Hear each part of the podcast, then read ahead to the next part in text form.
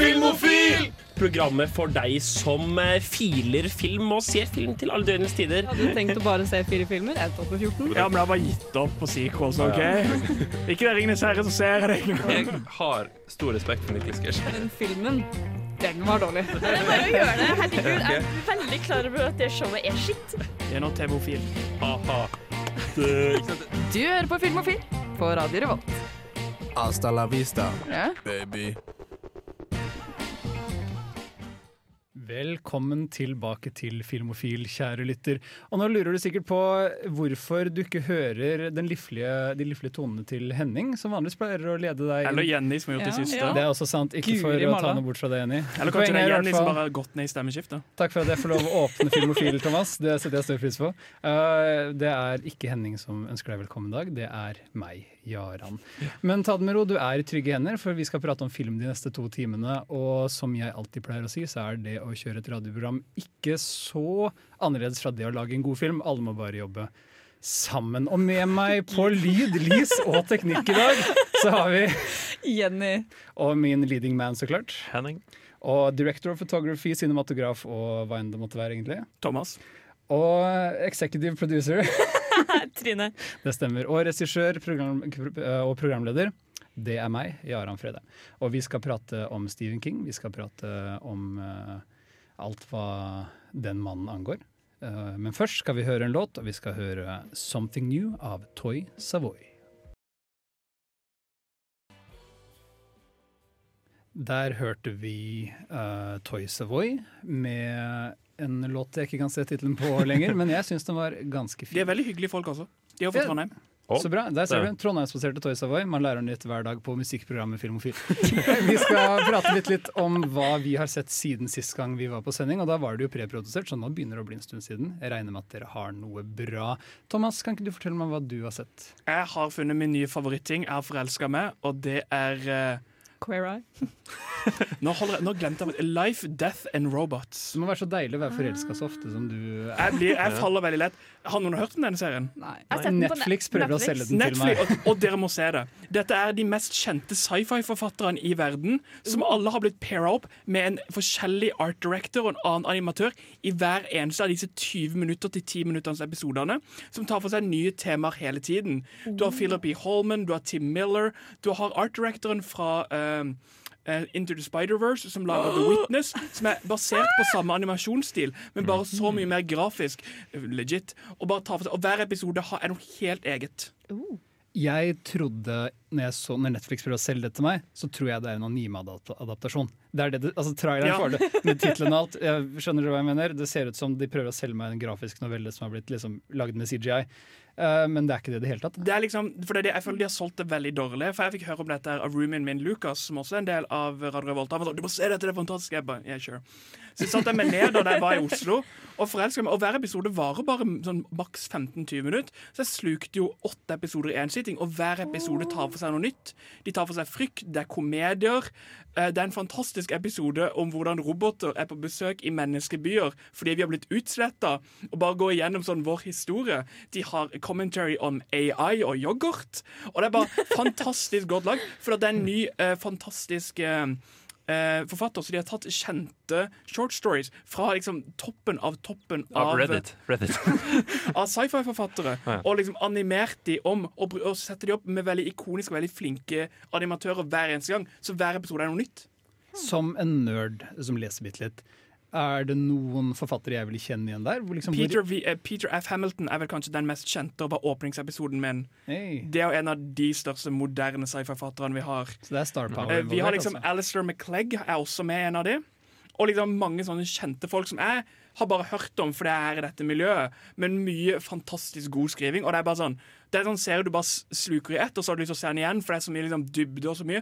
Og hver eneste stil er forskjellig. Det går liksom fra eh, basically barneanimasjon til Into the Spider-Verse-animasjon til så realistisk at du tror de er liksom, liksom mer realistisk enn det Beowulf var. Og den var jo ganske realistisk animert.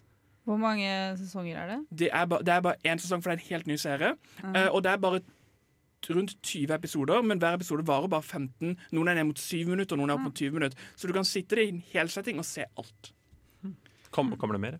Jeg håper det. Ja. Det er jo nesten så jeg ikke kom her i dag bare så jeg kunne se ferdig.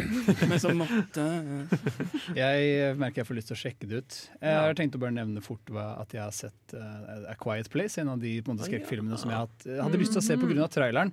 Mer enn noe annet. Jeg er jo nysgjerrig på regidebuter òg, og John Krasinski er jo en fyr som var i The Office, og nå plutselig er han liksom det er ikke som, ja, det er ikke som har blitt noe helt annet, John Krasinski. Uh, så det er jo interessant. Men uh, jeg syns filmen var sånn passe, jeg skal være helt ærlig. Det, det er ikke en film jeg kommer til å se på nytt. Men jeg håper John Krasinski gjør noe mer spennende. Han skal lage en toer, da. Ja, ja. Eh, Mens vi tenker på det, så kan lytterne og vi høre på uh, Tigerbukten med Under pressen. Det var uh, Under pressen med Tigerbukten. Og vi er tilbake i Filmofil-studio nå. Alle lyttere er velkommen inn. Og vi prater fortsatt om hva vi har sett siden forrige uke. Jenny, du håper jeg, jeg håper du har sett noe. Jeg har sett noe veldig bra. Ja. Jeg har sett en liten serie på Netflix som Jaran har anbefalt meg veldig lenge. Det holdt på å bli den nye Three Billboards Outside Ebbing, Missouri. Eh, Men jeg så, klarte å se den til slutt, og det er Over the Garden Wall. Og hva syns du? den er skikkelig, skikkelig søt. Ja, den ikke, er det. det eneste måten jeg kan beskrive den på, eller sammenligne den med, er Gravity Falls. Og jeg elsker Gravity Falls. Og Over the Garden Wall er veldig lik, men samtidig også veldig forskjellig. Jeg er også veldig stor fan av Overhekken. Dette er, er, dette er noe helt annet. Den der, de kanin, nei, ekornet som drikker kaffe. Ja. Ja, Klassiker. Klassiker. Hva handler denne serien om? det er eh, en, serie, en veldig kort serie. Det er én sesong, og så er hver episode det er ti episoder. eller noe sånt Og hver episode Hver episode er ti episoder. hver, Det er ti episoder i den ene sesongen, Okay. og hver episode varer i sånn ca. ti minutter. Og de klarer å la, legge en god historie inn i hver episode, for det handler om to små gutter som skal komme seg hjem. Det har gått seg vill i en slags eventyrskog, på en Ja. måte. Eller I starten så får man bare vite at de har gått seg vill, og så utvikler det seg videre da, i løpet av serien.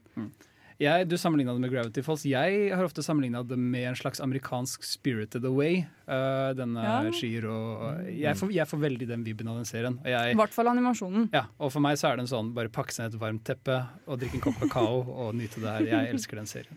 Henning, hva med deg? Hva har du sett siden sist? Jeg har sett en serie som kjæresten min har masa på meg at jeg må se. Uh, vi prøvde å se en episode eller to i uh, Spania sist gang vi var der, men eh, Nei. RuPaul. Nei, ikke det. Det her, Å var, nei, nå ble jeg skuffa. det her er en serie som heter The Sinner. Ja, noen Det var ikke like gøy som Nei, for det- Den har gått litt under radaren hos de fleste, tror jeg. Det er Bill Pullman som spiller Ja. den. Eh, han som spiller, det eneste jeg husker han fra, er at han spiller Hvem er det? presidenten i Independence Day. OK. Ah, han, ja. Eh, Spesiell eh, fyr. Han spiller veldig godt. eh, Og eh, Jessica Biel, ikke minst. Hun har nok eh, en av, eh, en av de største hovedrollene i serien. Det handler om eh, Hvilken sjanger er dette her? thriller. Krim. Litt drama-ish. Litt, samme, litt samme som at man kan ikke kalle True Detective krim, men det er litt krim fordi det handler om en kriminalsak. Det Er, er det mer enn procedural, liksom? At det handler mest om arbeidet og mindre om mysteriet? Ja, men også de som er involvert. på en måte Ikke bare detektiven som går av litt etter spor. Men i hvert fall Jessica Biel er på stranda en dag eh, i lag med sønnen sin og mannen sin, og så hører hun en sang på en sånn bærbar høyttaler noen folk på nabo, uh, nabohåndkleet hører på. Eh, så tar hun den kniven hun skjærer den pæra med, uh, sprenger bort han ene fyren og begynner å stikke han i brøstet og i halsen. Og, sånn. og hun skjønner ikke hva som har skjedd. Ingen skjønner hva Nei, som det har er ikke skjedd. Nei. Eh, Det er jo så- så åpenbart. ja, ja. Nei, det, det er det her, da. En sesong. Det er kommet en sesong til nå, men den er ikke på Netflix. Den er ennå ikke sett. Men jeg vil anbefale den. Bill Pullman eh, har gått helt under radaren for meg. Eh, nå er jeg ganske frelst, fordi han er en kul skuespiller. Kult. Og hva med deg, Trine? Nå har det blitt mye serieprat. Håper du kan redde oss med en film. Nei, jeg har egentlig sett serie sjøl, skjønner du. Ja. Men det er, en som, det er en som jeg har sett litt sånn over de siste ukene. Jeg er fortsatt ikke ferdig, jeg er langt fra ferdig, men jeg har endelig fått komme i gang med Twin Peaks. Og jeg er endelig sånn, jeg er litt ute i sesong to, og jeg er sånn Alle svarene kom plutselig sånn på tre episoder, så bare sånn Her er alt! Og jeg bare Jeg, jeg, jeg håper de fleste har et forhold til Twin Peaks. Jeg vet nøyaktig hva du prater om, Trine. Og jeg vet hvorfor det er sånn. eh, bare så det er Ja, sagt. det er fuckings Nei, TV-studio. men er det, ja, det er, er studio sin feil. Fire Walk With Me, den som måtte er prequel-sequelen til Twin Peaks, åpner med at David Lynch knuser et TV. Altså bare for, det er liksom, det er, du kan ikke si det mer tydelig. Han hata jobb på TV. Har dere sett Twin Peaks? Jeg har sett uh, alle episodene av sesongen utenom den siste episoden. Å, Henning! Ja, Ja, Hjemmelekse til deg nå, Henning ja, men det, Nå er det et par år siden jeg begynte å se på det, og jeg så de ni episodene, eller hva det er for noe, så jeg må nok se alt på nytt igjen. Og det var en særdeles treg serie. Men, Nei, vet jeg, jeg, men det er det er så jeg elsker dette showet. Jeg- Det som er så bra med det, for det er liksom, du, får ikke, du får ikke vite ting. Det er det jeg hater med sesong to. At plutselig bare Her har du alle svarene du vil ha. Altså, nei. Jeg syns også sånn minutt for minutt er veldig gøy å se på. Sånn der maling Ja, men- er jo så gøy å se på. Men for å si det sånn, selv om du hører at det er David Lynch som har regissert Twin Peaks, så er Twin Peaks noe av det mest de, ja, for Den første sesongen er no- noe av det mest mainstreame han noen gang har laga. Oh, ja. Det er liksom såpeopera blanda med krim. Det sier meg veldig mye. Da blir det veldig mye mer lyst til å se det. Twin Peaks er jo uh, på en måte et krimdrama, men det handler ikke om, om uh, kriminalsaken. Det handler om karakteren i denne byen og hva hendelsen gjør med dem. Og hvor rar de er, ikke minst. Ikke Nå nå vet jeg ikke om jeg rakk å si det før dere skreik til meg, men uh, jeg har uh, Jeg har sett uh, Fire Walk With Me òg, og det føler jeg ødelegger litt. Så jeg vet mysteriet. Ja, akkurat. Jeg- Det var leit å høre at du har fått Twin Peaks, Twin Peaks spoila for deg. De som ikke har det, bør sjekke det ut. Og mens de tenker på det, så kan de høre på Okkenhaug med 'Lev som du vil', fint lyset. Nå pleier det vanligvis å være en nyhetsjingle som forteller deg, lytteren og resten av oss i studio Vet du, Jeg føler meg litt ekkel når jeg gjør sånn, skal jeg høre det. Go, uh, ja, at uh, det er på tide med I nyheter. Oslo har det vært. Nei, Thomas! Ikke igjen! Hvis dere vil høre dette, så kan dere bare høre Filmofil uh, f- fra forrige uke, rett og slett. For nå er det reprise på humor som skjedde i studio forrige uke. Metahumor. Ja, dette begynner å bli veldig dypt. Men jeg tror vi bare setter over til nyhetskorrespondent. Ja. Yay! Det er Trine, for de som lurte. Ja, det er meg. Ja, jeg har fortsatt traume etter forrige sending. Ja, det var Jenny som la opp til den vitsen. Jeg måtte du bare bevise idiotien. videre, da. Du satte opp, I finished. I Jeg prøvde å avslutte tidlig. Men ja, Um, siden Batman fyller 80 år i år, så skal den Han holder seg bra. Så skal De to første Batman-filmene som var regissert av Tim Burton, altså Batman, Batman Returns, Batman Forever og Batman og Robin, skal få 4K-versjoner. Det må nevnes Ja. at uh, bare de to første er Tim Burton, de to, andre, Ja, ja, de to de- siste der er uh, Joel Schumacher. Men de skal bli, lag, de skal bli laget på nytt, eller Nei, skal nei, de de skal få en 4K-restaurasjon. Jim Carrey, den der Ja, vet du hva? Jeg tror Batman og Robin ser spesielt bra ut i 4K, faktisk. For det, det som er med, med 4K-restaurering, eller hva det kalles, re-release, er vel at det, det er filma på gammel filmrull eh, når det den gang ble filma. Eh, og det du kan gjøre med det, er at du kan med mer moderne teknologi lage film med bedre oppløsning. Det har de gjort med Matrix, eksempel. Den var filma på filmrull. Så den finnes i 4K. Det er Så ikke lenge du har fordi- gode tekniske folk som vet å gjøre den postprosessingen bra, så blir 4K nesten alltid en smash. Altså, ja. Bildet kan være helt fantastisk. Fun fact, eh, for dette er jo eh, mest sannsynlig Da er det snakk om en 35 mm film, så er den mest vanlige filmrullen vi har. Mhm. Det er en teori som sier at det kan faktisk strekkes helt opp til 8K Jeg har hørt før den seks. pusher. Ja, det er sånn 6 til åtte, kommer litt an på Ja. hvordan du gjør det, men 8K er liksom maksgrensen. Så du har fortsatt mulighet Så vi kan få enda en release etter dette her. Bare for å pushe det. ikke sant? Og mediumformat kan gå så langt at det ikke er gøy engang. Jeg, jeg vil ikke se Arnold Schwarzenegger i Mr. Freeze. Jeg tror, jeg tror Batman og Robin er litt sånn universelt hatet. Filmen der George Clooney var Batman, Ja. og de hadde en altfor voksen fyr som Robin. Arnold Schwarzenegger og Uma Thurman var skurkene. Men jeg har et svakt spot for den filmen. jeg. Uma Thurman i den filmen.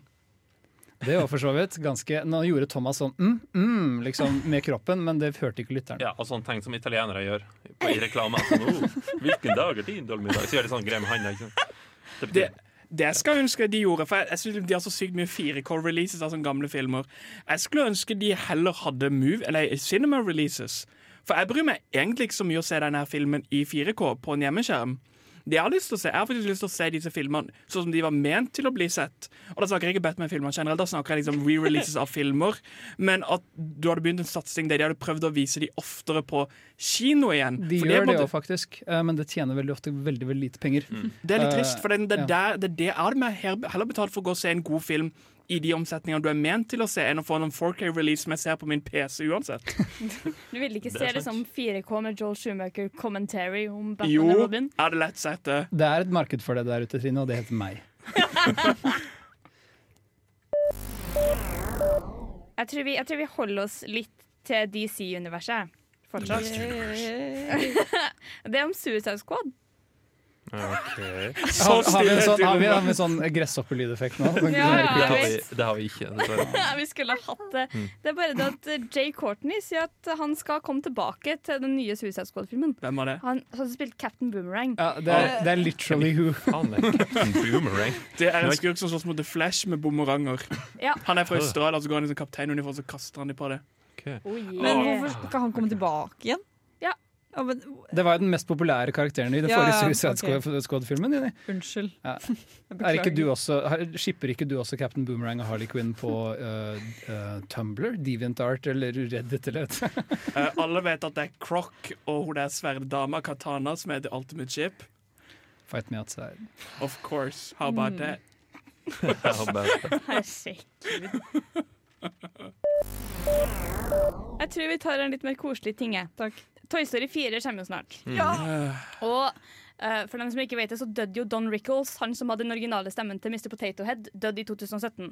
Mm. Nå har filmskaperne kommet ut og sagt at eh, stemmen hans Han er fortsatt med i Toy Story 4. Det er ingen andre som skal ta over stemmen til Mr. Potato Head. Good. Det er fortsatt Don Rickles. Er det okay. digitalt, da? Har de lagd en sånn voicebot, sånn som de har gjort for Donald Trump? Vi vet, Altså- ikke- det, vi, Oh, vi vet ikke. hi! Jeg husker ikke Buzz. Jeg bare ser på en sånn robot. Sånn. Jeg tenker sånn Stephen, Stephen Hawkins stemme. Hva er den dårligste Stephen Hawkins eh, Ja, det etterligningen jeg har hørt var- på kjempelenge? Nei, men skjønner ikke at det, den, den Trump-boten. Det, det høres litt ekte ut i noen sekunder. bare, Hæ? Hæ? Det, det, det der var kjekt. Mm, For går, du har jo teknologi nå til å lage liksom falske stemmer, altså, Ja. så det er ikke mulig. Eller har de tatt opp lyd med han? Jeg vet ikke. Det står liksom ikke om de har tatt opp lyd med han før han døde eller ikke. Det bare- kan hende at han spilte inn noe før han døde. Så nyheten er bare at han er med i Toy Story 4. Ja. Ja, Det kan jo være sånn at de gjorde i, eh, i South Park, når uh, Isaac Hayes sin karakter uh, Altså når Isaac Hayes, han som spiller sjef, gikk ut av serien, Mm. så tok de over masse Masse ord han har sagt i tidligere sesonger, og så bare klippet det sammen til å bli sitatene hans. Det var skikkelig skikkelig, dårlig. Jeg vet jo ikke om det er det, det de gjør med Don Rickles nå òg, da. At de tar liksom, lydfiler fra Det håper filmer. jeg. Det- Ja, det, det ikke så mye karakterutvikling. Du kan ren- reuse mange av de replikkene når det går bra. Det er jo faktisk Mr. Ja. Potethode, på en måte. Det er jo det er ikke alles kjente, kjære Mr. Potethode, liksom. Det, jeg tror dette skal gå bra. Og vi som ser den på norsk dub, sånn som dere alle gjør, vet jeg, eh, dere får jo ikke noe ut av det uansett. Nei, det er sant. Jeg ser aldri på dub. Kan jo bli bra. Men uh, da skal vi uh, ta en liten pause, tenker jeg, og høre Viagra Boys med I Ain't Living Long Like This.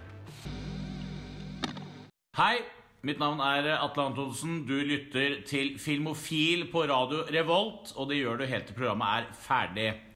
Vi er her i hvert fall helt til programmet er ferdig uansett, så jeg håper Jeg går tidlig. Ja, takk, Thomas. Det var hyggelig å høre. Hva, hva, er programlederjobben hvis man ikke har en sidekick, sier bare jeg. Jeg har lyst til å høre mer nyheter fra vår nyhetskorrespondent Trine. Go. Nei. Unnskyld, jeg skal. It's not gonna be a thing. Stop making it a thing. Ah, hjelp. OK. Det var, det var en videregående skole i USA som satte opp uh, Alien som et stykke. Så hadde det spredd Hmm. seg online. Det Som det gjør. Nådd fram til Ridley Scott. Han har sendt dem et brev og sagt 'gjerne gjør mer av det her'. Gjerne Wow, ta The Gladiator neste gang, liksom. den, den gjør seg litt bedre på scenen, tror jeg. Alien er jo en, en ganske perfekt film for scene, med tanke på at det er såpass eh, confined til et lite område. Mens Gladiator sprer seg jo over et helt kontinent og gjør det ganske vanskelig med scenerekvisitter. Mens i Alien-filmen så trenger du bare lage fire-fem sets. Det er det de gjorde på filmen. De bruker veldig få sets eh, for å lage den filmen. I Alien-filmen, Alien-filmen, Yes. fordi at de hadde et veldig lite budsjett eh, som de valgte å bruke på det settet. Jeg klarer å se for meg Gladiator gjort som mer sånn klassisk Shakespeare, den type at du framfører det på en litt mer sånn uh, stilta måte. da. Ja. Men jeg tenker Alien må jo være vanskelig å få fram på en måte, den klaustrofobiske frykten. Da må du være, rett og slett bli litt ekspresjonistisk med sceneregien din, tenker jeg i hvert fall. Jeg, jeg ser på det som en mye større utfordring. Nå har ikke jeg drevet med sceneteknikk i det hele tatt. Eller er det det det kalles? Regi. Ikke. Men jeg, jeg ville ha eh, satt en penge på Gladiator, selv om jeg har veldig lyst til å se. Ja. Jeg setter min, jeg setter min teaternerd her ute i spill nå og sier jeg tror det går veldig fint da, for det er akkurat det samme å se på teater som det det er å se på en TV-skjerm. Du har det samme, en av- du har det samme, så lenge du bygger og lyssetter riktig, så kan du få for en ganske ekstremt følelse. Spesielt hvis du tenker at hele salen sitter i totalmørk og er tvunget til å følge med på det. Hvis du lyssetter det riktig, så kan du få den følelsen som er perfekt. Om det er det i denne tingen, det er nok ikke sikkert, for det er en high school-ting. er. Men OK, hvilken film av Ridley Scott ville dere gjerne ha sett? Kan du gi oss en liten rask liste over de filmene? Mm. Han gjør 'Body of Lies', den thrilleren med, med Leo, Leo sånn tok tilbake til 2005. Og så gjør han 'Kingdom of Heaven' med, husker jeg. Uh, han er jo ansvarlig for en del sånn litt sånn skitt og lort rundt omkring de siste åra. Men han er Ja. ansvarlig for 'The Martian', da, som mange likte. Så den på teater. den filmen- Den kan du se på teater. Den, Ja, kunne vært, en- den kunne vært en teaterforestilling, for den er spredd over såpass lite område. Ja, Eh, faktisk. Blade Runner. Jeg, Blade jeg tror teaterstykke, det er Martian det er den som er vil se. lettest, for den strekker seg over såpass lite territorium. For det er det som er problemet med teater når de prøver å gjøre filmer, at de velger filmer som har veldig mye reising innad i media, og det ender opp veldig dårlig når du har lite budsjett til områder. Mens The Martian trenger i teorien eh, basen han bor på, et rødt område og en bil. Og litt space. Det skal jo komme en Chucky-remake. Mhm. Og nå er det blitt klart hvem som skal ha stemmen til Chucky. Ryan Reynolds, Ryan Reynolds. Oh, Carrot top. Carrot top. det blir da Mark Hamill. Ja. Luke Skywalker, for de som ikke Eller The husker Joker. Eller The Joker. Ja, men altså for de som ser film og ikke bryr seg om voice acting, så Men, oh. så er det Luke Skywalker. Jeg vet hvem du vet hvem er der. Men jeg, jeg, jeg mistenker at da blir bare Chucky Docka på en måte høres litt ut som Joker med boblestemme, hvis det gir mening. Ja. Så, hva, hva er Chucky igjen? Det er Eh, denne morders, morderdokka. Child's Play Ja, kom, vel i, Child's Play. kom vel i 98 eller noe sånt. Og Chucky er uh, en, en dokke besatt av en seriemorder. Hmm, Det begynner vel som en sånn en stereotypisk slasher-horrorfilm, så hadde det egentlig bare utvikla seg mer til en komedie jo lenger den gikk. Det er blitt veldig mørk komedie. Det er vanskelig å ta en morderdokke på alvor. Spesielt den er fjerde gangen han overlever. Det er, vel, det er vel at han brenner, ikke han morderen?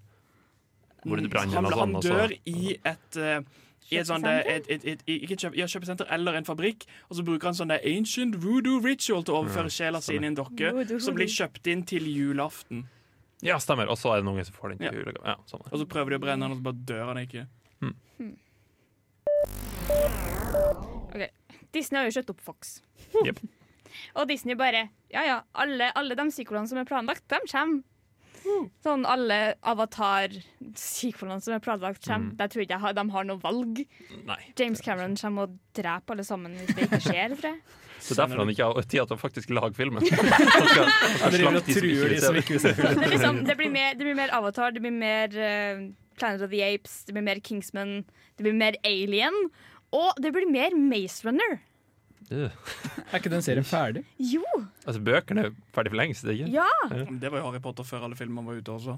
Har det ikke vært sånn Ja, fire jo, jo, Maze jo, jo. Runner-filmer eller noe? Jo, for det, det, det er tre bøker, så delte jeg den siste opp. Men jeg trodde, det, jeg trodde Maze Runner døde i hele den der troen om at liksom, teen movie, The Hunger Games-fasen, Mm. da alt bare døde. Eh, jeg ser på det. Av, eh, og hva heter denne filmen om de der folka som ble valgt inn i stammer? Uh, Divergent. Divergent. Jeg snakker om det. Divergent, du døde. Det var, faktisk, det var faktisk øyeblikket Young Adult-filmer døde. Ja, ja. Når den filmen bare ble lagt ned. Det er spennende å prate om, men jeg tror heller vi hører på Wanna Wanna Wanna av Mandali Lamas. Ja, det var jo mye Så- lyd. Sa du iha? Jiha! Det stemmer. Vi skal over til anmeldelse. Vi skal prate om Stephen King uh, i dag. Hvorfor skal vi det, lurer kanskje du på. Det er fordi Pet Cemetery, en film basert på en av hans mange bøker, kommer ut på kino på nytt.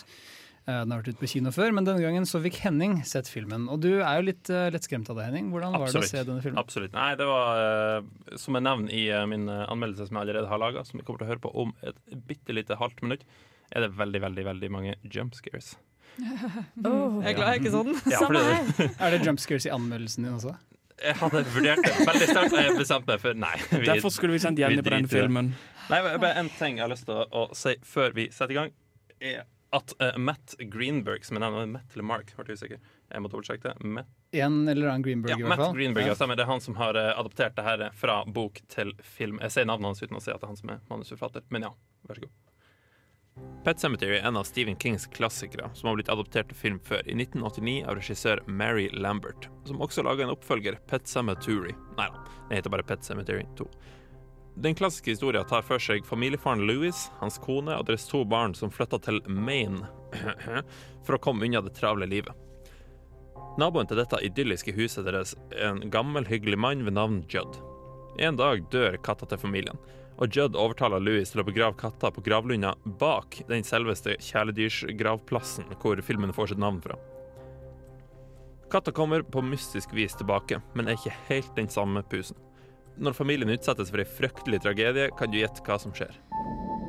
In the woods today, LA discovered a charming little landmark. The pet cemetery. Place to bury our pets and remember them. Might seem scary, but it's not. Perfectly natural. Just like dying is natural. Å lage en klassiker på nytt er en stor utfordring, og jeg skal gi Matt Greenberg skryt, for han har gjort en ganske god jobb av å oppdatere historier og karakterer, og endre handlinga nok til at den er interessant for de som liker den originale filmen, og sprita den opp nok for 2019-markedet. Med det sagt er ikke alle rynkene helt sletta ut ennå. Mye fordi filmen beholder troper, segmenter og sitater fra den originale adaptasjonen som føles litt rar ut, satt i en ny film. Flere sitater som definerer den originale filmen er beholdt, som The Ground Went Sour, What Comes Up Ain't The Thing You Put In, og ikke minst Sometimes Dead Is Better. Disse sitatene ble i den originale filmen framført av en veldig eksentrisk Judd, som ikke ville gjort seg på dagens skrekkfilmmarked. Judd er mer down to earth i denne adaptasjonen, men dessverre er ikke dette helt nok. For sitatene var skrevet for en eksentrisk karakter med andre motivasjoner. At de et karakteren i overhaling er supert, men selv om det å beholde sitatene er bra for å fortelle historier, og det er fint nikk til de som likte den originale filmen, tar sitatene seg ganske dårlig ut for nye seere, og framstår som en heftig klisjé. Filmen er heller ikke redd for å vise deg andre klisjeer, som f.eks. at unger tegner skumle bilder av ting de har sett, og foreldre som blir bekymra, men av en eller annen grunn velger å ikke følge dette opp. They fear that place. There's something up there. Something that dates way back. Those woods belong to something else. Something that brings things back. Church? Mange av skuespillerne gjør en veldig god jobb, som faren Louis og dattera Ellie. Men særlig én av karakterene slår igjennom, hvor sitatet 'dead is better' virkelig er sant. Liker du jump scares, da er denne filmen noe for deg. I helvete så mange jump scares. Filmen bombarderer deg fra de første fem minuttene av filmen, og slapper sjelden av. Filmen skal ha skryt for kvaliteten og variasjonen på disse jump scarene, men jeg ble rett og slett litt sliten etter hvert. Spesielt mot slutten av filmen, hvor du tror det kommer nok en jump scare ved at filmen bruker en situasjon de har brukt tidligere, for så å dra det vekk og si ha-ha, nei da, tulla bare. Filmen fortjener skryt for mange ting, som nevnt, men resultatet lukta fortsatt litt surt, av at det virka som en cash grab som rir på bølgen av hva filmen It fikk til i 2017, og hypen for oppfølgeren til denne filmen som kommer ut senere i år. Pet Cemetery er en helt grei skrekkfilm, men jeg tror disse siste ordene oppsummerer mine tanker om filmen ganske godt. Don't do it, Sarge. Sometimes, dead is better. The film went sour, vil du si det, Henning? Vil du si at han råtna litt? Faktisk. Uh, The film went sour, kanskje det. Nei, det, det jeg må si at det største problem er at å ta en skrekkfilm fra 80-tallet uh, og gjøre den om nok til at den kanskje kan passere i dagens marked, men ikke helt fordi de beholder sånn som han er Judd. Altså, den naboen som tydeligvis er ekspert på det okkulte, liksom. Altså, det er litt sånn kleint, rett og slett. Og de burde tatt en annen historie. Og derfor tror jeg, de, altså, jeg tror de tok den for å ri på bølgen av It, som jeg sa i anmeldelsen. Men uh, hvis liksom, du hadde sett vekk fra alt på en måte, det, det politiske rundt denne filmen, Mm. er det en god film? Hvis jeg hadde aldri hørt om It eller noe av disse her, er det en film som er verdt å se? Hvis Thomas, hvis Thomas elsket The Conjuring, liksom, som jeg regner med denne litt sånn Det er mer den type skrekkfilm. Sånn sett ja, ja, øh, rent teknisk og helt, øh, helt uavhengig så er den slett ikke verst. Det vil jeg si. Uh, ikke, ikke kjempebra. Jeg vil ikke si den er bedre enn bedre enn eh, Conjuring 1, for eksempel. Um, men ja. Det, Bedre enn er- Annabelle? Den er god. Den så jeg ikke. Jeg så heller ikke The Nun. Hvis du har tenkt å spørre. nei, men det trenger man jo ikke å se. Nei, Herregud. Herregud. Noe av problemet her er jo fort at uh, på en måte det er en adaptasjon, men det er også en remake, som du på en måte legger litt vekten på. Det er vanskelig å vite hvor Det begynner å bli litt mange kilder, rett og slett, for den ene filmen. Ja, det er kanskje sant. Eh, altså, Nei, det meste jeg ikke skulle si. Jo, uh, hvis, du, hvis du kommer inn helt uh, fersk og ikke vet noe om det her, eh, så, så tror jeg du kommer til å ha det ganske artig. Med unntak ja, det, det er veldig mye jumpscares. Men eh, noe nevnt i anmeldelsen, de skal faktisk ha skryt for uh, jumpscaren, for de var, de var faktisk ganske effektive og gode. Men Skal vi gå på den igjen? Nei, takk. også jumpscares. Vi kan sitte sammen Men er, er det noe her å sitte igjen med etterpå, bortsett fra jumpscares? For det er jo ofte et problem. Some things are better. Sometimes. Nei, ikke Nei, det, det, det er en uh, ganske det, Du kommer ikke til å huske den i årevis etterpå, nei. Det, det tror jeg ikke. Men sånn som du forklarer, så virker dette litt som en sånn film som sånn uh, Som tar på litt av denne bølgementaliteten. Vi, liksom, vi som filmvitere som vet mye om hva som foregår i businessen, blir påvirka av det, men både mannen på gata kommer til å kose seg, tror du? Ja, det er nettopp det. Den er, det er kommersielt, og det kan, det kan godt hende at det gjør det ganske bra kommersielt òg. Reklamen har De har ikke reklamert like mye for den filmen som It, for eksempel, men vi får se. Jeg sier takk til South Park for å bidra inn i anmeldelsen din. Og så kan vi høre litt på Anderson Park eh, med King James. Jeg liker det du gjør, eh, Anderson Park, selv om jeg ikke skjønner hvordan jeg skal si siste del av navnet ditt. Dobbel A er faktisk Å. Tror er. Anderson Pock! Anderson Pock. Anderson Pock, ja. Jeg mistenker meg at flere radioprater har gjort akkurat det vi gjør nå. som er kødd med navnet hans. Men Så vi gidder ikke gjøre mer av det. Vi kan heller si litt Vi pleier å ha tema hver sending, og temaet i dag er, i anledning Pet Cemetery, Stephen King. Mannen uh, som skriver alle disse bøkene disse filmene er basert på. Og det begynner å bli en del filmer basert på bøkene hans, gjør det ikke det, Thomas? mange. Ja, jeg tenker først vi kan begynne med det fulle navnet hans, som er da Stephen Edwin King. Og jeg synes Edwin King Jeg, jeg synes det var bra at han gikk for Stephen King. Han kunne For vært Ed King, da, liksom. Edwin King høres ikke ut som en sånn skummel forfatter. Han er da født i Portland i 1947. Eh, 21. september, så han er én dag før meg. Liksom, eh, Oi, dette var nyttig informasjon. En, Thomas. en, en dag på hvor mange år? Han er 47, så da er det den deler. Han er da mest kjent som eh, nåtidens mest filmatiserte levende forfatter. Og har blitt filmatisert, eller i hvert fall har vært involvert i over 116 produksjon, produksjoner eh, av filmer. Noen av de legendariske verk av cinema. Noen shit. Og han har skrevet rett rundt 300 verk eh, selv. Og det, da snakker vi ikke småbøker. Filmer. Ja, Nei, bøker. For han er, for, for han er mest kjent som forfatter. Det er forfatteren han er mest kjent som. Hvis du går inn på IMDb, så har han 314 såkalte written by credits, altså hvor han har vært involvert i skapelsen av filmen generelt. Så jeg liker å tenke på Stephen King mindre som en mann, og mer som en institusjon. En levende fabrikk, liksom. ja, det er jo det. Han spyr jo ut bøker eh, som blir eh, sånn ja, Noen blir godt mottatt, andre ikke så mye. For å quote Epic Rap Battles of History In eight bars I could write a whole bestseller bare så sagt det med written by på IMDb, da trenger han ikke ha noe fysisk med det å gjøre. Det er bare at han har godkjent det, og så har noen Ja. tatt Ja. boka hans og Men da er det gjerne eksempel hvis en sequel til en film basert på hans bok kommer ut, da, så får han written by credit på den òg. Får Fordi han han er ansvarlig for karakterene. Ja, den. Eneste episode av eh, sånn type Når de lager en serie som eh, The Mist, da får han én for hver episode.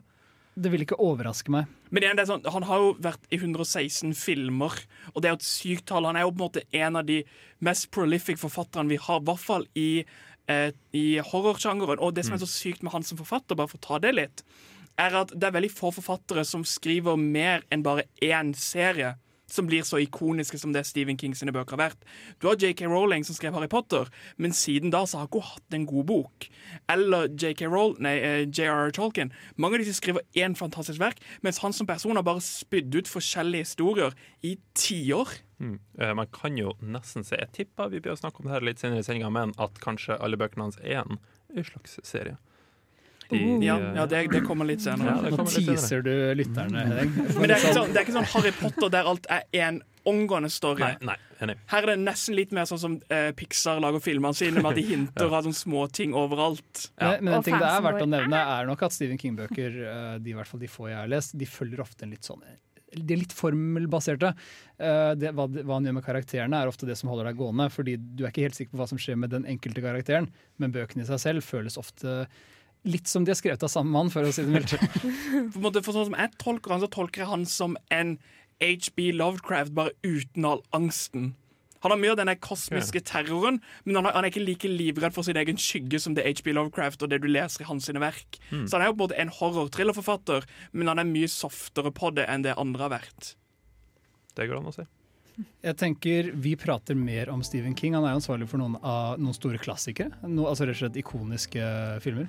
Og vi skal høre litt hvilke filmer det er snakk om. Men før det så skal vi høre litt på Samu med 'Show Me Love'.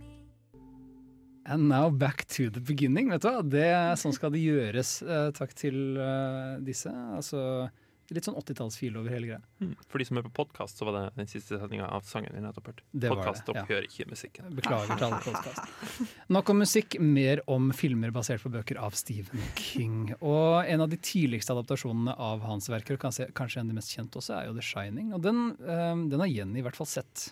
Eh, sett og sett. Jeg har sett deler av den. Jeg ble vist den av pappa da jeg var sånn 13 år. Mot min vilje, må sies. Men For folk som ikke hører så ofte, så hater Jenny da skrekkfilmer. Jeg tror vi har funnet årsaken her. Det er pappas skyld. Nei. Eh, men 'Shining' er jo en film alle burde i hvert fall ha hørt om, syns jeg. Og hvis det er erkenorsk, så er det 'Ondskapens hotell'. Ja, eller det, da. Eh, Det, det, er jo, det er om det, Thomas. Men det er en veldig Hva skal jeg si om denne filmen? Den er, den er skummel. Den, eh, jeg likte den ikke så veldig godt. Husker du hva den handler om? Jeg husker sånn litt hva den handler om. Det handler om han godeste Jack Nicholson som er på et hotell. Eh, eller han kommer til et hotell med familien sin, og så blir han eh, gal. Er det ikke det? det er det jeg fikk ut av filmen. Og så er er det et badekar, og så er det noen zombier som danser i hallen. Nei, Nei, det er Ready Player One. Ikke bland inn Ready Player One i det her. Bare pranka dere. Og så er det den labyrinten, da. Det er egentlig det jeg husker fra filmen. Shining er jo liksom den er veldig kjent for bildene sine, så sånn sett skjønner jeg Ja. at plottet kanskje ikke satte seg så mye på deg som Nei, eh, og den derre Jake uh, is a doll boy-tingen. Eh, no work and no play. Hard work and no Ja. play makes Jake a dull boy. Det blir vel motsatt. All work and no play, ikke all no work and Nei, Shining, er Shining er, jo, uansett, altså. Shining er jo en film som både tar på seg mer underliggende problemer hos mennesker. Shining, eller The Overlook Hotel, så er jo da liksom et hotell som de bor hos, denne familien, som skal da overvintre. Shine, Shining er vel egentlig denne telekinetiske evnen som Ja. unge Danny har, Ja. eh, gutten i Det er jo derfor den norske heter Ondskapens hotell, for det faktiske stedet er Overlook Hotel, og det er hotellet. Og hvordan hotellet de er over, overvintrer der, de er helt alene. Eh, Og hvordan de da må deale med sine egne problemer når de er helt isolert og utenfor menneskets reach. Eh, Noen har på en måte dratt den filmen litt mot uh, 'Fluenes herre', som handler liksom om hva som skjer med mennesket når det er alene og på en måte må kan følge sine indre lyster.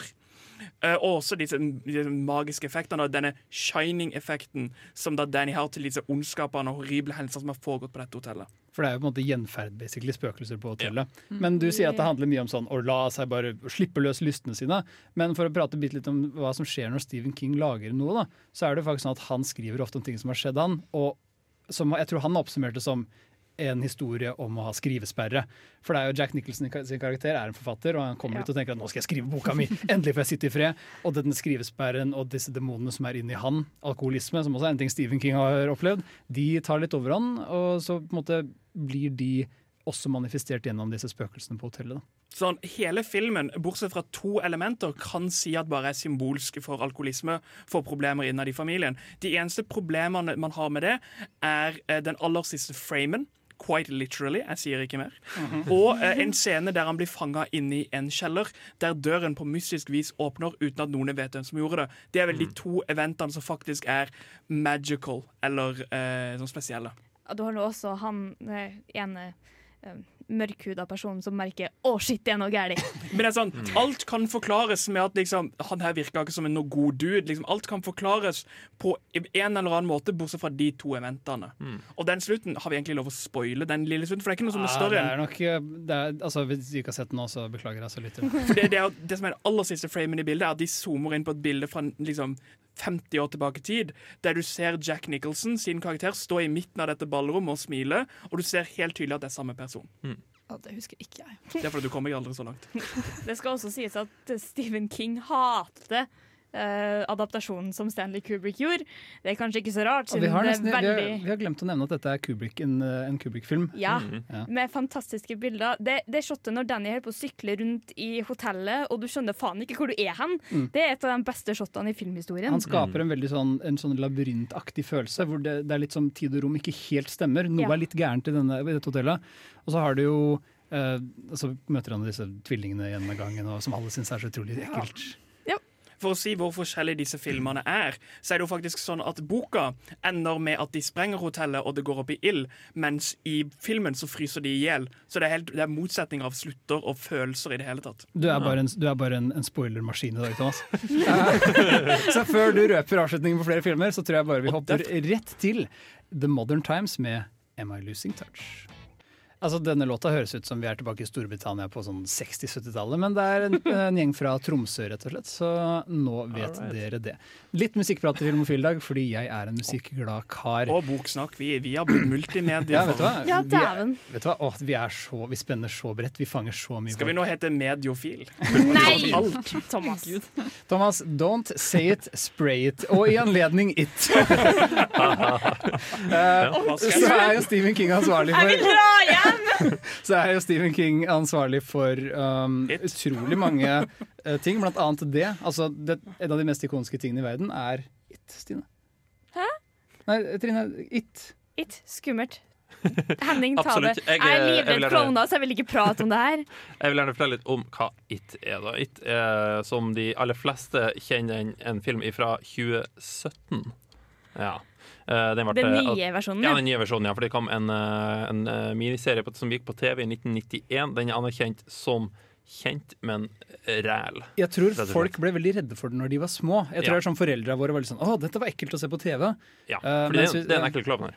Jo, det er jo Tim Curry, mannen bak eh, Kanskje mest kjent for Rocky Horror Picture Show, som er Mm. klovnen i den filmen. Så Det som er kjent fra den filmen, er jo Pennywise. Jeg føler jeg kan ikke noe om storyen. Jeg kan den gule reinfrakken, og så kan jeg Pennywise. Mm. Pennywise var så creepy i den filmen at du, du jeg, følte, jeg var ikke før i 2017 jeg egentlig visste at det var en shapeshifter.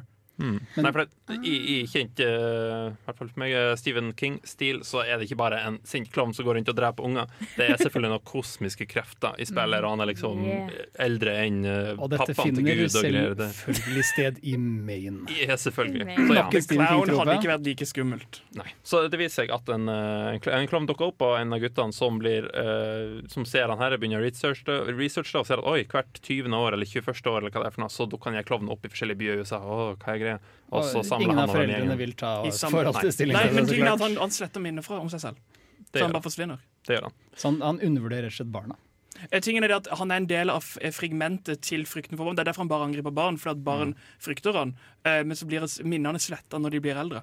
Jeg vil si at denne klovnen er sloppy, og det er sånn, dette, dette gir bare meningen for filmens univers. Jeg har så mange Ja, ja. problemer med it-mytologien. Jeg skjønner ikke at denne klovnen er tatt av, bortsett fra klovner er skummelt, kanskje. Jeg vet ikke. Jeg tror det var en av de filmene som, som kapitaliserte på klovner er creepy Husker, jævler. husker, husker du It-filmen når klovnen er sånn i hver eneste jævla scene han dukker opp? Hvordan er dette skummelt? Det, det er den traileren til 2017-filmen, ja. Nei, men han, jeg, har- jeg har sett film, liksom. Det er det han gjør okay. i, i nesten hver eneste scene. Ja, hver gang han tenker 'nå blir det skummelt', så sier han og så, og så er det sånn Ja, OK, da er filmen ferdig. Da Så gidder jeg tuter han på sånn horn, og så går han videre. Ja, sånn, det er nesten sånn honk, bonk, bonk. Han gjør faktisk pop, pop, pop på et tidspunkt, tror jeg. For tingen er jo det at Grunnen til at han blir en klovn, er fordi at han tar på seg frykten til det var alle barna han frykter. Mm. Den ene barnen frykter jo ild, så han tar på seg formen av ild. Dette handler jo om ungdommelig frykt. Det Filmen handler om barnefrykt. Mm. Om det er det Han viser Han viser til folk det de er mest redde for. Og det en av disse personene han var mest redde for, var da klovner. Det er derfor han velger klovner. Eh, Det er jo også fantastisk at eh, Jeg vet ikke, I den filmen, for jeg ikke fått sett slutten, er det en kjempestor skilpadde med. Nei. Nei, de nevner skilpadder. Eh, Slutten kommer på kino uh, veldig I løpet altså, i, av det året neste år. Da kan du se del to av It. Det er jo Yes. veldig ikonisk film. Men, eller veldig ikoniske karakterer. Men noe som er nesten like ikonisk, er bandet Aiming for en rike. Og nå skal vi høre de spille Hard Dance Brainia. Jeg liker bandet. Jeg liker. Hard Dance Brainia av Aiming for en rike. Vi eh, hadde en liten hjemmelekse til lytterne våre, som vi ofte pleier å ha når vi tar oss tida til det. og Og husker det. vi valgte en litt sånn, en sånn semikjent Stephen King-adaptasjon denne gangen. Vi valgte Mm. filmen 'Misery' av Rob Reiner. Uh, som er Er den fra, fra 80-tallet, eller sent 80-tallet til 90-tallet. Og dette er en Stephen King-adaptasjon. Og nå har vi prata litt om det mer okkulte. Vi har prata om kosmisk horror og, og onde klovner og spøkelser på et hotell. Mens 'Misery' er en veldig enkel, eh, enkel historie. Veldig enkel fortelling. Mm. Det handler jo om en forfatter, en veldig kjent forfatter, som har en ulykke. Og han blir reddet av noen, en selvbeskrevet Altså biggest fan, redder ham fra dette, denne bilulykken. Og det tenker han er å, nå er jeg jammen meg heldig, men så viser det at hun er klin hakkenes gæren. Spesielt når hun finner ut at han planlegger å ta liv av favorittkarakteren. Misery, som er bokserien han skriver. Ja. Og Men, Skal, skal han drepe karakteren i den boka, eller hele Favoritt, bokserien? favorittkarakteren til hun. Ja, ok, i den bokserien. Som Og han dette er jo um, James Caan, kjent fra Gudfaren, og Cathy Bates i de to hovedrollene. Den, måte, f- den filmen som Katie Bates slo igjennom med. Mm. det er vi fikk henne fra. Det er på en måte de to er hele filmen. Altså de, det er, spillet mellom disse to, et litt sånn katt og mus-aktig spill, hvor James Caan skjønner at shit, jeg må komme meg ut derfra. Han, han har vel et brekk, en Han har brekk brekt begge beina. Oh. Dette er litt spoilers, men en, en av de mest ikoniske scenene i filmen er jo når Cathy Bates knuser anklene hans med en hammer. Ja, det er en grunn til at jeg ikke har lyst å se den filmen. Dette er jo, ja, men det er, jeg vil si det er ganske smakfullt gjort. De spiller Moonlight Sonata over, eh, over hamringen. Eh, Men eh, på alle måter det er, altså Den har grøsserelementer. Det er. Der dette Å, jeg er fanget i et hus med en gæren dame, og hun har fullstendig makt over meg. Men det er ikke noen spøkelser, troll og hekser involvert i dette. Mm. Det er så en historie som at det er en, en, en grei person som er forfatter, og en gal person som uh, har noe å si til han med en hammer. Det er vel også det at hun prøver å hindre alle andre i å vite at han er der, så folk utenfra tror at han er død, men ja. egentlig så har hun bare kuttet telefonen og bare det er 'ingen skal komme fram til deg'. Det er vel også det at han eh, tar mye inspirasjon fra sine egne livshendelser. Han har gått gjennom ganske mye jævla, og det, du merker veldig tydelig dette her, at på en måte, dette er noe som kunne ha vært han. Tror du virkelig noen har knekt føttene Nei, men jeg, jeg tror du lett, Når du er en så stor forfatter, så har du lett en del superfans. Jeg tror han har fått Ja. en del creepy mail i post og sånt. Mm. Jeg tror han har et par personer der bare som virkelig ikke er skrudd på riktig. Så det er basically hans største frykt, da. Hans største frykt, Og det er det du ser i ganske mange av bøkene. For ja, det er mye sånn mystisk og kosmisk horror, men mye av det er bare hans frykt for en høy og forskjellige ting. Alkoholisme går igjen veldig ofte, og en eller annen frykt for maskiner. Det Da spesifikt motoriserte ting, for han døde jo nesten i en motorsykkelulykke selv. Det og som- det er vel noe av det som skjer i begynnelsen av Mystery, den bilulykken. Bilulykke. Det som er litt forfriskende med Ja. dette, er jo at det er Han, han er i skrekk- og thrillersjangeren, men han tar liksom for seg mye mer naturlige elementer. Ting, dette kunne kanskje ha skjedd, da. Mm. Og det syns jeg eh, Stephen King er flink til. Altså Det er det som er forfriskende med denne filmen. Jeg liker når han gjør litt mer sånn grounded, eh, rett og slett. Uh, før vi går videre, så skal alle få lov til å høre på Fontaines DC med Royce Tune.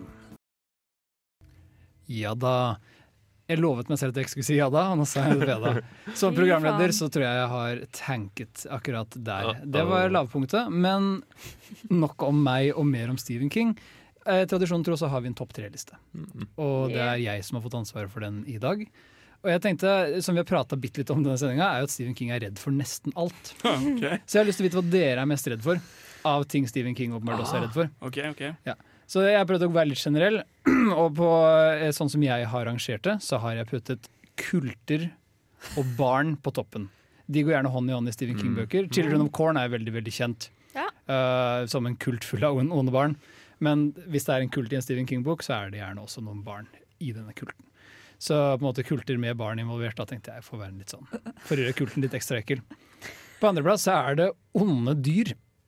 Stephen King er uh, Cujo er kanskje det mest kjente onde dyret han har funnet på. Hvor er det fra? Det er denne morderhunden fra filmen Cujo. OK. Mm. Men katten, Og i boka Pet, ja, men katten i Pet Cemetery er vel også relativt uh, kjent som en litt sånn slem, uh, Ja. slem rakker av en kattepus. jeg kan ikke være programleder, for jeg blir skikkelig sleazy. Eh, og- og ja, ymse andre dyr, da. Vi ekskluderer sånne kosmiske edderkopper og, og romfaiende panter. Og sånn. Så dere skal slippe å være redd for de, men uh, hvis dere er litt redd for en ond hund, eksempel, så er jo den fin på toppen. Og så er det slemme biler. eh, som er, på bunnen av min liste, og det er det jeg er minst redd for personlig. De, de tingene Stephen King er redd for. Eh, filmen 'Christine' av John Carpenter er kjent for å ha en slem bil. Eh, og, Max, hans egen, Stephen Kings egen film 'Maximum Override', eller 'Trucks', som også er en film basert på hans bøker, er også full av slemme biler. Vet du hva jeg føler du har bomba det? Jeg tror du skal snu dette på hodet. Eh, fordi at det er så mange som dør i bilulykker. At hvis bilen hadde hatt et fnugg av ondskap i det. Tenk hvor mange bildøde vi hadde hatt når folk dør i biler som fluer uten at de er onde engang. Jeg skal det er nøytrale. Jeg skal kjøre til jobben i dag. Jeg håper ikke bilen min tar livet av meg. Det sånn, sånn, når du ser vekk fra sånn okkulte barnekulter, Mhm. så er det sånn De er sånn elleve år, du kan bare sparke dem, og så er de døde. Å ta dem ned er ganske lett. Du bare ramboer dem, liksom. They started it. Du har gunner og sånn bandana på. De blir du kvitt lett. Og dyr. Noe av det samme. Thomas. Jeg, jeg vil si enig i veldig mye av det du sa. Jeg kan eh, gjenta noe Louis C.K. sa i en standup-rutine en gang. Hvis du går inn på et toalett med sånn, eh, med sånn båse, så kan du bare stå bakerst i båsen med hendene oppå liksom, kanten av båsen og står og sparker hver unge. Fordi da kommer de i fil. ikke sant? Du kommer de én og én. Da vet du at du kan ta én og én om gangen. Vet du hva, jeg, jeg burde visst at jeg åpna for barnevoldprat. det det tar jeg for min egen kaffe. Og så, liksom, jeg, jeg føler også, Nå tenker jeg sånn treåringer som prøver å lese om sånn der sånn Satanos! Og så er det noen små barn så står det bare sånn der, sånn ble, bleie full av skit. Og bare, Barn er mer enn treåringer, da. Ja, det er sant. Men jeg føler sånn Det kommer litt an på hva, hvordan skummelt. Fordi en barnekull som kommer mot deg i mørket mens eh, du går hjem en kveld, liksom, det kan være skikkelig skummelt. Og, men en bil som kommer mot deg en dag, som bare brummer litt ekstra Det er ikke liksom ok, Og så kjører han og så bare over løper deg. du andre veien. Ja, men jeg, det er ikke noe jeg er redd for, det er mer noe som skjer, og så å shit, det skjedde. Ja. Er, er, det, Men- er det ditt forhold til påkjørsel? Sånn. Whoops, oh shit, det skjedde. Nei, men sånn i forhold til skumle Det er ikke sånn at jeg går rundt veldig godt rundt og tenker sånn Ah, det er biler! Meg Hvor er det du går hen når du går, med, når du går turer? Går du på gangfeltet, eller går du midt i veien? Går jo ikke midt i veien. Hvorfor? Fordi det ikke er lurt. For at der blir du kjørt ned. Ja, Tenk hvis ingenting er safe! Da kan du ikke gå noe sted. Kanskje andre etasjer. Jeg tror ikke det er noe sted når de kjører opp. Det virker som du er ganske redd for biler. Jeg har ikke lappen. Jeg er redd for biler. Biler og ondskap. du kan ikke være i andre etasje heller. Hvis biler kjører, kjører nok inn i bygningen, så kanskje den raser Ser du, sammen. det er ingen sted du kan Bare en sånn barnekulter. Går du bare inn på sånn strippeklubb, så slipper de ikke inn. Du har fortalt meg jeg eh, er mest redd for gale biler. Hva med deg, Thomas? Du også? Enig. Trine, hva med deg? Hva er du mest redd for, egentlig? Uh, gale dyr.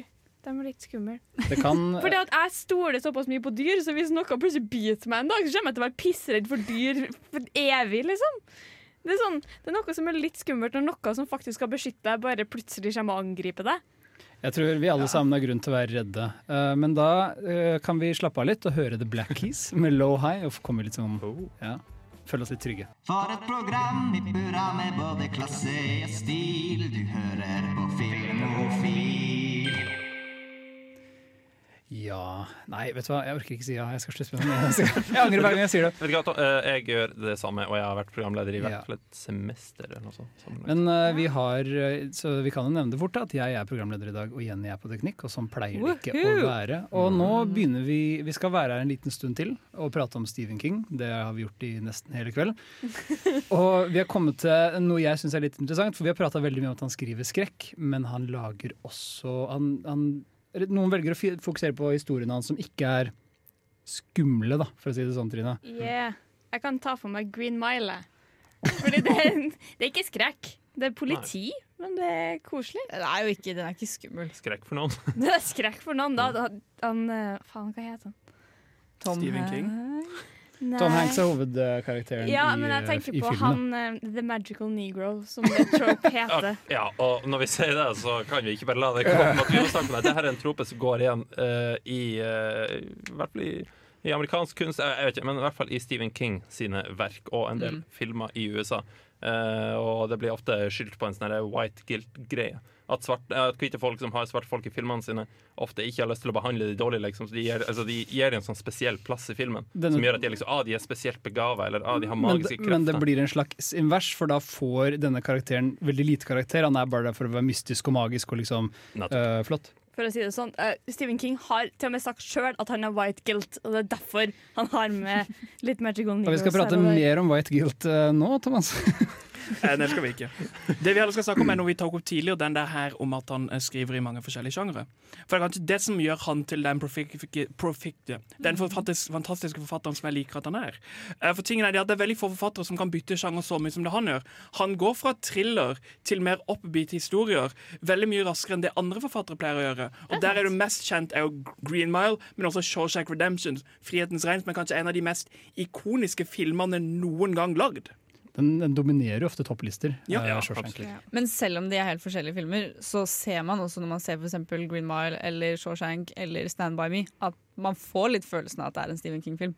For det, det er liksom noe som skjer der, som man får den filen av. Jeg sier meg helt uenig. Hadde ingen sagt til meg at Frihetens okay. regn eller Shawshank Redemption var han, så hadde jeg ikke lagt merke til det. Jeg hadde ikke lagt merke til det når jeg ser de filmene. Jeg føler jeg ser det fordi jeg vet det.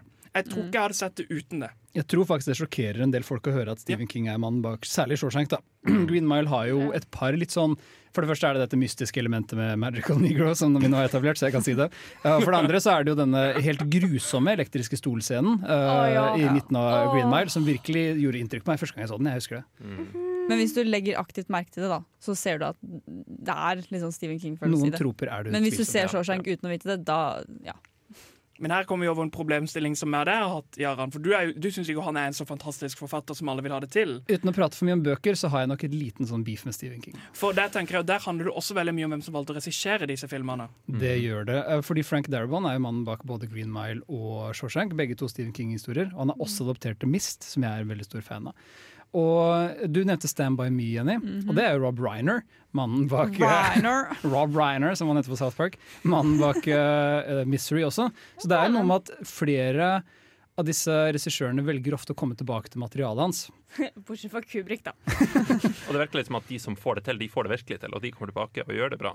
Det vil jeg si for, altså, for å nevne Darabont spesielt. da Shawshank, mesterverk. Green Mile, kjempeflott. The Mist, jeg elsker den. Jeg tror mange har et problem med filmen, men jeg syns jeg, Han har den mest ikoniske sluttene. Sånn, sånn Mm. Feelingsmessig så er den rå.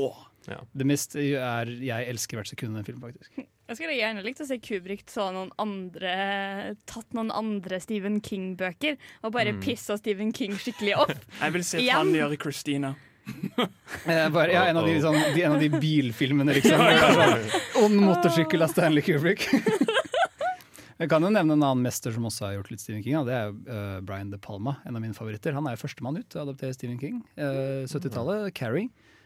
Aldri før hadde noen kjøpt en Stephen King-boks rettigheter og laget film av den. Og Brian De Palma åpna jo det ballet, altså. For en film Carrie er. Jeg anbefaler alle også den. Den handler Den originale, ikke den nye. jeg prata nylig med ei om uh, mannlige forfattere som sliter med å skrive kvinnelige karakterer. Men Carrie det er en mann som har klart å skrive en tenåringsjente helt fantastisk. Og Brian De Palma gjør en god jobb med det. Så det, det skal han ha. Det er han og han der eh, Green John Green. Han som, han som, han som har The Fault in Our Stars. In Our Stars, Ja, ja. eh, will, will, Something Something. Det er også han som har Jeg kan fortelle dette. Fault in Our Stars og Something Something, to av mine favorittbøker. Looking for Alaska. Ja, men det er også han som har lagd den der uh, Crash Course History på YouTube. Men visste du at, eh, at Gus Dapperton han har skrevet 'Fill Me Up Anthem', og det skal vi høre nå på Radio Revolt. Spenningen spisser seg til. Nå som vinteren nærmer seg, hvem har egentlig drept Laura Palmer? Hvem er den mystiske doktoren? Kommer William til å svare? Hva vil skje? Ukas TV-serie. Ukas TV-serie kommer til dere med Filmofil. Bø. Ja. Var du redd? Det skal bli litt skummelt, så jeg er litt redd. Ja, det er Eh, snart påske. eh, mest påske. Det er den skumleste høytiden. Ja. Det er på en måte ti- Det er jo tiden for at Jesus, for å det sånn. Hvis dere er redde, folkens, så kan dere komme til mitt castle. Den er plassert på en rock. Å nei, Oi, nei, nei, nei, nei, nei, Vi skal snakke om Castle Rock. Og det er da Stephen King-serien som basically er Cameo The Show. Eh, for at her tar det for seg da dette fengselet. Som heter da Castle Rock, og det er der ganske mange av Stephen King sine romaner De mest kjente er sittet på et fengsel. Eh, der de finner en gutt eh, fanga i kjelleren som ikke har noe navn. De bare vet at han ligner på en person som ble savna for over 30 år siden.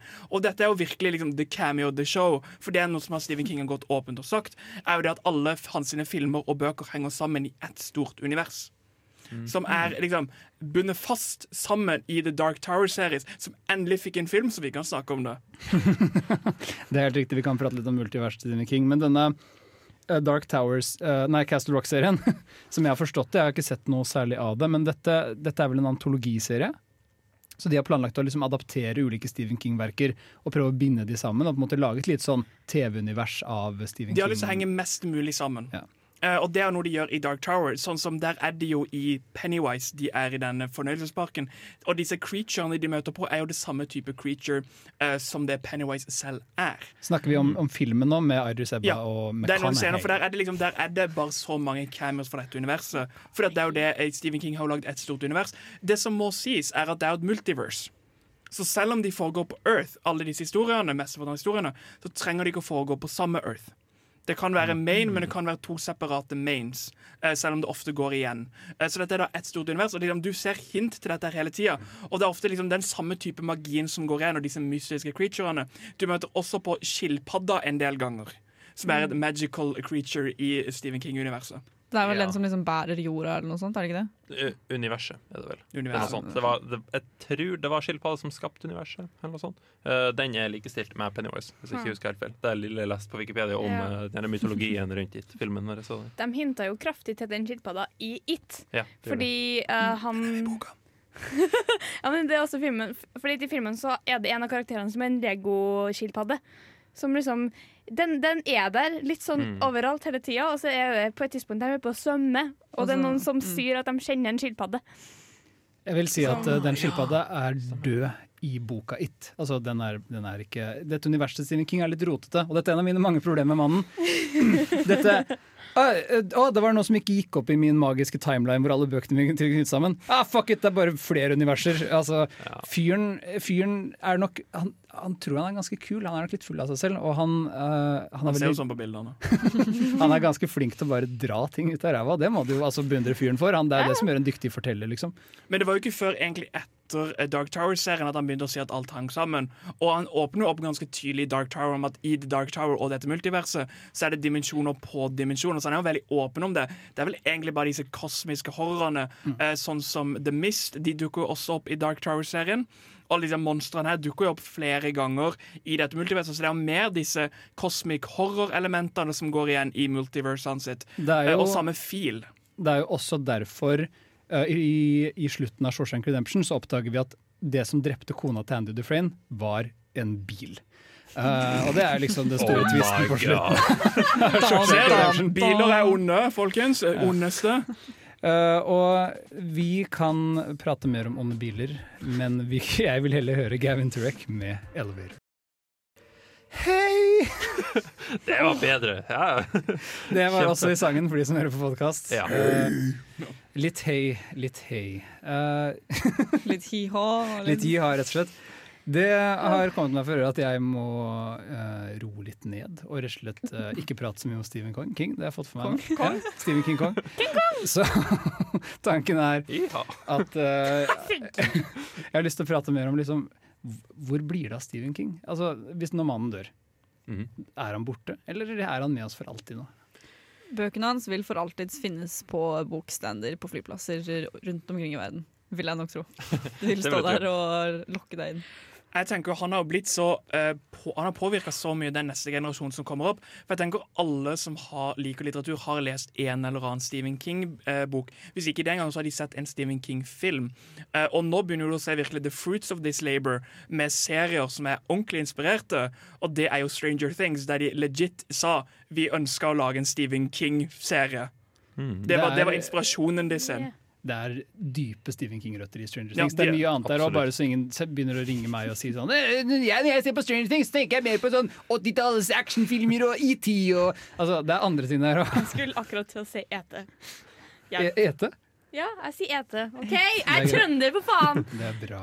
Men han blir jo for eksempel parodiert i uh, animasjon hele tida. eh, Venner for livet er jo en som går igjen ganske ofte. Hele den der kameraden blant barn. Når du sier Venner for livet, prater du om TV-serien Friends? Nei, jeg snakker om Stand By Me. Si Stand By Me Eh, for, jeg, jeg husker ikke hva den engelske tittelen var som ble Venner for livet.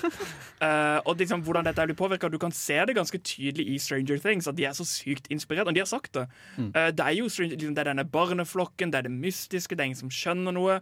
Der de egentlig ikke forklarer sitt mystiske univers heller, de bare sier the upside down. Og det er veldig Stephen King å bare ikke gidde å forklare noe.